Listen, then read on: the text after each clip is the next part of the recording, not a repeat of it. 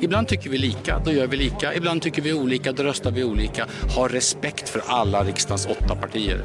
Alla pratar om vad Moderaterna och Kristdemokraterna kan och inte kan göra i förhandlingar med SD. Vi bidrog till att lösa upp knuten runt Sverigedemokraterna. Men en fråga har kommit i skymundan. Hur har Ulf Kristersson det med kvinnorna? På en kvart får du reda på varför den bortglömda frågan om jämställdheten kan bli avgörande när M och KD börjar förhandla med SD. Idag är det torsdag den 4 mars. Jag heter Annie Reuterskiöld. Här är dagens story från Svenska Dagbladet.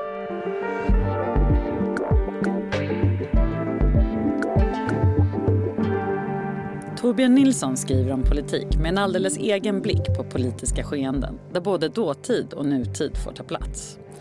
Torbjörn, det är 17 år sedan du var på Svenskan eh, förra gången. Vad har du lärt dig sedan dess? Oh, förhoppningsvis har jag blivit lite klokare. Men framförallt har jag nog lärt mig att inte vara så säker på hur politik ska bevakas och hur politik egentligen fungerar. Det är svårt. Och de senaste åren har ju kanske ställt allt på ända också, eller hur? Ganska mycket eh, av gamla sanningar är ju faktiskt helt bortblåsta. Idag så ska vi prata om den enda frågan i svensk politik, nämligen Sverigedemokraterna och hur eh, de andra partierna förhåller sig till Sverigedemokraterna. Mm. Det går ju att skämta om det där tycker jag, men samtidigt så finns det ju någon slags allvar det regeringsunderlag som Ulf Kristersson nu kanske kommer gå fram med och förbereder. Något liknande sånt har vi inte haft i Sverige på, på hundra år. Så det finns ju frågetecken som faktiskt är på allvar. Precis. Du skrev ju en text om det här, men som hade en lite oväntad vinkel. Ja, jag pratade om jämställdheten. Varför är det intressant i det här sammanhanget? Det kan ju kännas lite marginellt just, eh, just här. Ja, dels är det viktigt i, i sak för ett moderat parti som fortfarande är ett liberalt parti och där frihet är ett viktigt värde och jämställdhet handlar ju i grunden om frihet för individer. Men sen finns det också ett perspektiv som handlar om vilken förmåga man har att attrahera väljare. Och där har Moderaterna en ganska intressant historia kring just jämställdheten och hur man har så att säga hanterat kvinnofrågan. Att det är inte tjejer som ska lära sig att klä sig rätt utan det är killar som ska lära sig att hålla tassarna borta. Tre av Alliansens partiledare är kvinnor. Vad betyder det för dig? Det kan jag har lite svårt att svara på. Behövs det mer feminism inom svensk politik? Det har jag ingen synpunkt på. Jag är fullt upptagen med andra frågor. Tittar man historiskt så har ju Moderaterna sedan åtminstone 1976 haft det här problemet att man har fler män än kvinnor som, som röstar på en. Och det intressanta är att nya Moderaterna, Fredrik Reinfeldt-epoken, där lyckades man minska det där könsgapet och till och med nästan komma över det. Jag har varit med och utvecklat väldigt mycket ur hbtq-syn till exempel genom mina år som aktiv. Jag tycker att det finns samhällsproblem kopplade till jämställdhetsfrågor. Vi ser redan nu en förflyttning i väljarkåren som går ännu mer mot att kvinnor röstar vänster och män röstar höger. Hur påverkar det här? Jo men det är ju den, en övergripande trend och risken för Moderaterna är ju att man förstärker den trenden i och med ett samarbete med Sverigedemokraterna. Och då riskerar man ju verkligen att, att hamna i ett läge där man inte attraherar kvinnliga väljare eh, nästan överhuvudtaget. Moderaterna har länge haft problem med att locka kvinnliga röster, även i succévalet 2006. Men i det senaste valet var könsfördelningen ganska jämn hos de moderata väljarna. Och det var faktiskt jämnt hos alla partier förutom ett. I Sverigedemokraterna var gapet mellan kvinnor och män fortfarande stort. Hur får man kvinnliga väljare att rösta på sitt parti? Då? Var det det här att eh, Fredrik Reinfeldt eh, poserade med en dammsugare som gjorde susen? Alltså den enkla eh, förklaringen skulle vara man blir bättre på jämställdhetspolitik. Nya Moderaterna hade till exempel en, en jämställdhetsbonus i föräldraförsäkringen om någon minns den. Men det där är ju också rätt banalt. kvinnor röstar ju inte bara på en bra jämställdhetspolitik, verkligen inte. Ska vi ta det i en trestegsanalys? Absolut. Nummer ett, man kan bli bättre på jämställdhetspolitik. Där hade Nya Moderaterna en eh, jämställdhetsbonus i föräldraförsäkringen. Nummer två, man kan prata mer om politiska områden som kvinnor generellt tycker mer om. Moderaterna gick från att vara ett rätt hårt parti som pratade mycket om skatter till att prata om välfärd. Nummer tre, man kan förändra sin kultur. Om valforskare är inne på nummer ett och två och mäter och tittar på det där så brukar opinionsmätare på de privata instituten vara mycket mer inne på den här tredje faktorn. Man ändrar image. Man slänger bort pärlhalsbanden? Man slänger bort pärlhalsband.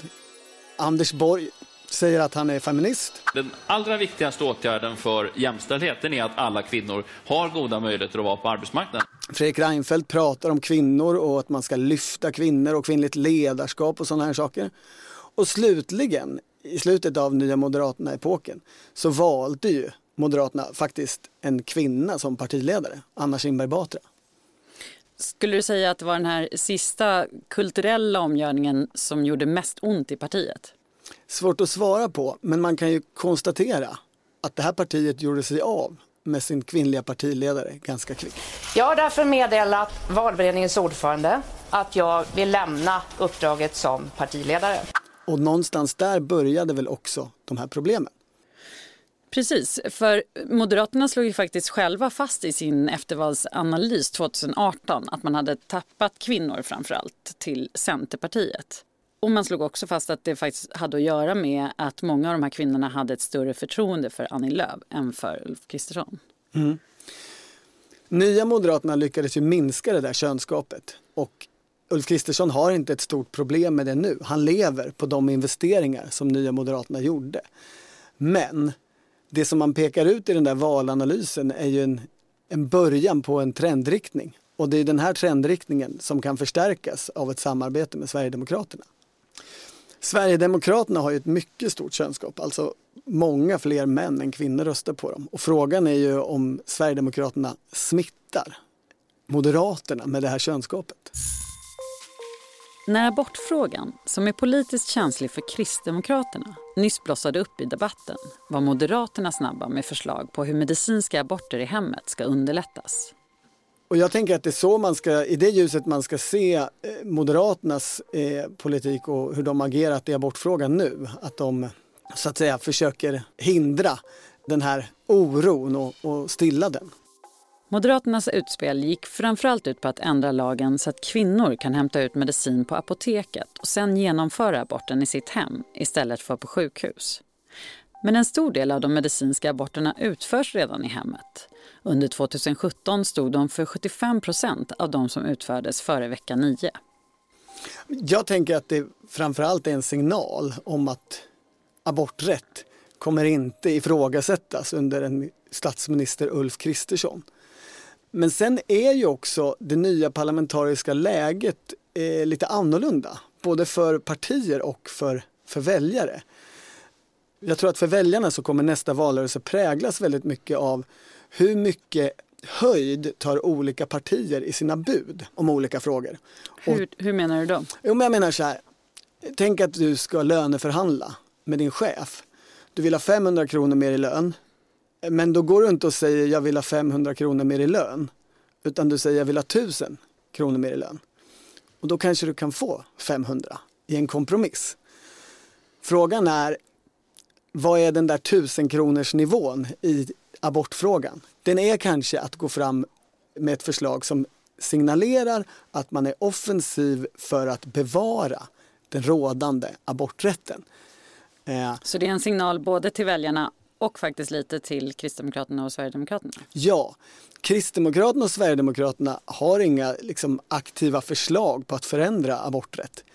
Och det kommer liksom inte komma en stor förhandling om det.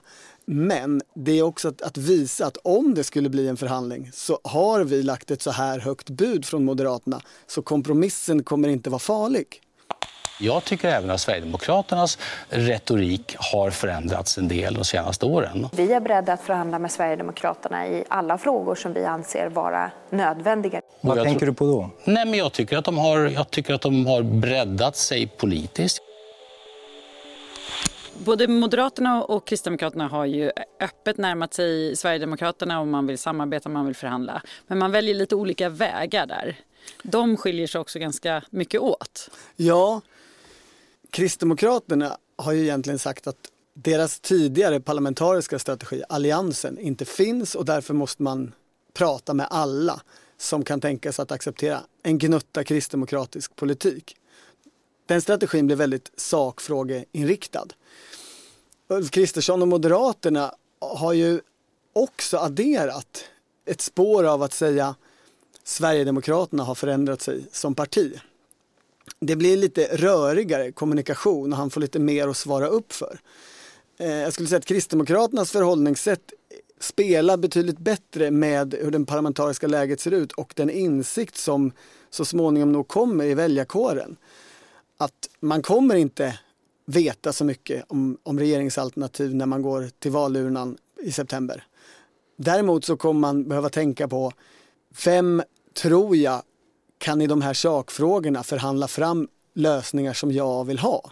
Vem har till exempel tagit så pass mycket höjd i sina bud i valrörelsen att den kan kompromissa till en lagom nivå? Och en nivå som jag kan acceptera som väljare. Men kan det också, jag tänker på det här med Ulf Kristerssons eh, strategi att säga att Sverigedemokraterna har ändrats. Mm. Kan det också ha att göra med kvinnofrågan här? Att man på något sätt vill övertyga väljarna om att det här partiet behöver ni inte rädas för längre. Stanna hos oss även om vi samarbetar med det här partiet. Det tror jag. Man vill ju lugna de väljare som redan i förra valet just försvann från Moderaterna och kanske gick till Annie Lööf och Centerpartiet. Och de finns ju inne i, i partiet också. Det är inte bara väljare utan det är aktiva moderater som tycker så och tycker att det här med SD är ett stort problem. För mig låter det lite som någon i tjejgänget som liksom försöker övertyga sina tjejkompisar om att eh, eh pojkvännen faktiskt inte är så där jobbig som, eh, han har blivit bättre, han, han är snällare nu.